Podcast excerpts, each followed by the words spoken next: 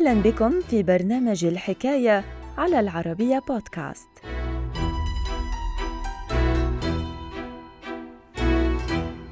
عقب حادثة غرق كل من الطراد HMS ريبولس والبارجة الحربية برنس أوف ويلز على يد اليابانيين يوم العاشر من ديسمبر عام 1941 فقدت البحرية البريطانية هيمنتها على البحار.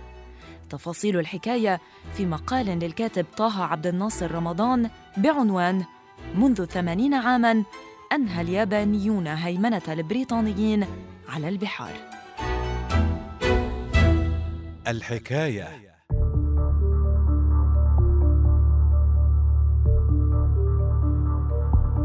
أسفرت حادثة غرق السفينتين ريبولز وبرنس أوف ويلز عن مقتل 48 بحارا بريطانيا وتحييد البحرية البريطانية بالمحيط الهادئ.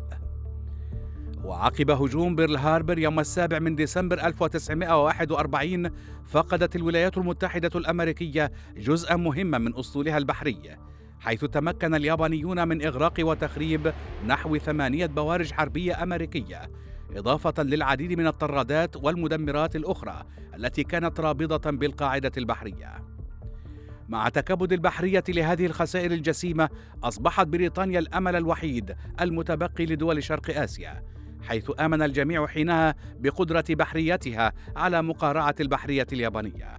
في المقابل وبعد مضي ثلاثة أيام فقط عن هجوم بيرل هاربر تبددت هذه الأحلام حيث تلقت البحرية البريطانية يوم العاشر من ديسمبر 1941 ضربة موجعة عقب غرق الطراد ريبولز والبارجة الحربية برنس أوف ويلز أمير ويلز. إلى ذلك حلت السفينتان الحربيتان ريبولز التي زودت بمدافع بلغ عيار بعضها 381 ملم وبرنس أوف ويلز المزودة بمدافع بلغ عيار أبرزها 360 ملم يوم الثاني من ديسمبر 1941 في سنغافورة لتعزيز الدفاعات البريطانية بأوامر من رئيس الوزراء وينستون تشرشل الذي أمر بتشكيل الفرقة البحرية زد. لمواجهة الخطر الياباني المتنامي بالمنطقة. واستقبلت هذه السفن في سنغافورة بحفاوة وحظيت بترحيب شديد من القيادة العسكرية البريطانية بالمنطقة. فخلال الأشهر السابقة تحولت البارجة برنس أوف ويلز لإحدى أهم القطع البحرية البريطانية بفضل مشاركتها رفقة الطراد هود في ملاحقة وتخريب البارجة الألمانية الشهيرة بيسمارك. وانطلقت ريبولز رفقة مدمرتين نحو منطقة ميناء داروين في الخامس من ديسمبر لدراسة إمكانية إنشاء قاعدة بحرية بها. وخلال اليوم التالي استدعيت هذه السفن بشكل عاجل لتعود أدراجها عقب ورود معلومات حول وجود قوة عسكرية يابانية قرب الهند الصينية. في حين أصر المسؤولون بالبحرية البريطانية على ضرورة التحاق الفرقة البحرية زد بالسفن الأمريكية طالب وينستون تشرشل ببقائها بسنغافورة وملازمة الصمت لعدم جذب انتباه اليابانيين. وفي خضم هذا الخلاف بين المسؤولين البريطانيين اهتز العالم يوم السابع من ديسمبر عام 1941 على وقع هجوم بيرل هاربر الذي أسفر عن مقتل ما يزيد عن ألفي جندي أمريكي. إلى ذلك علم الأميرال البريطاني توم فيليبس ببداية إنزال عسكري ياباني بمنطقة كوانتن الماليزية. وأملا في التصدي لهذا الإنزال وجه توم فيليبس الفرقة البحرية زد شمالا للتصدي لقوات الإنزال اليابانية. وبدلا من الاستعانة بالدعم الجوي لحماية سفنه ارتكب الأميرال توم فيليبس خطأ قاتلا.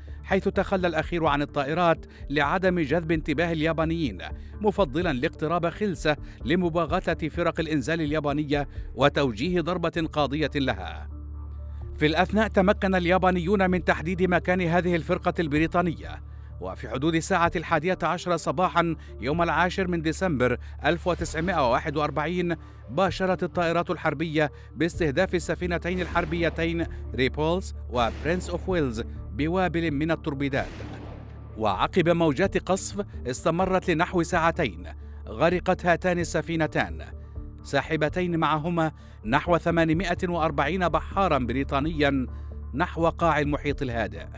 في المقابل تمكنت جهود الإنقاذ التي قادتها بعض السفن البريطانية القريبة فيما بعد من إنقاذ نحو 1500 عسكري من طاقم ريبولس وبرنس أوف ويلز عقب حادثة غرق كل من ريبولس وبرنس أوف ويلز على يد اليابانيين فقدت البحرية البريطانية هيمنتها على البحار وهيبتها التي كسبتها بفضل الأميرال هوراشيو نيلسون عقب معركة الطرف الأغر ضد البحرية الفرنسية عام 1805 فضلا عن ذلك فتح هذا النصر العسكري الطريق لليابانيين لبسط سيطرتهم على مناطق واسعة من شرق آسيا.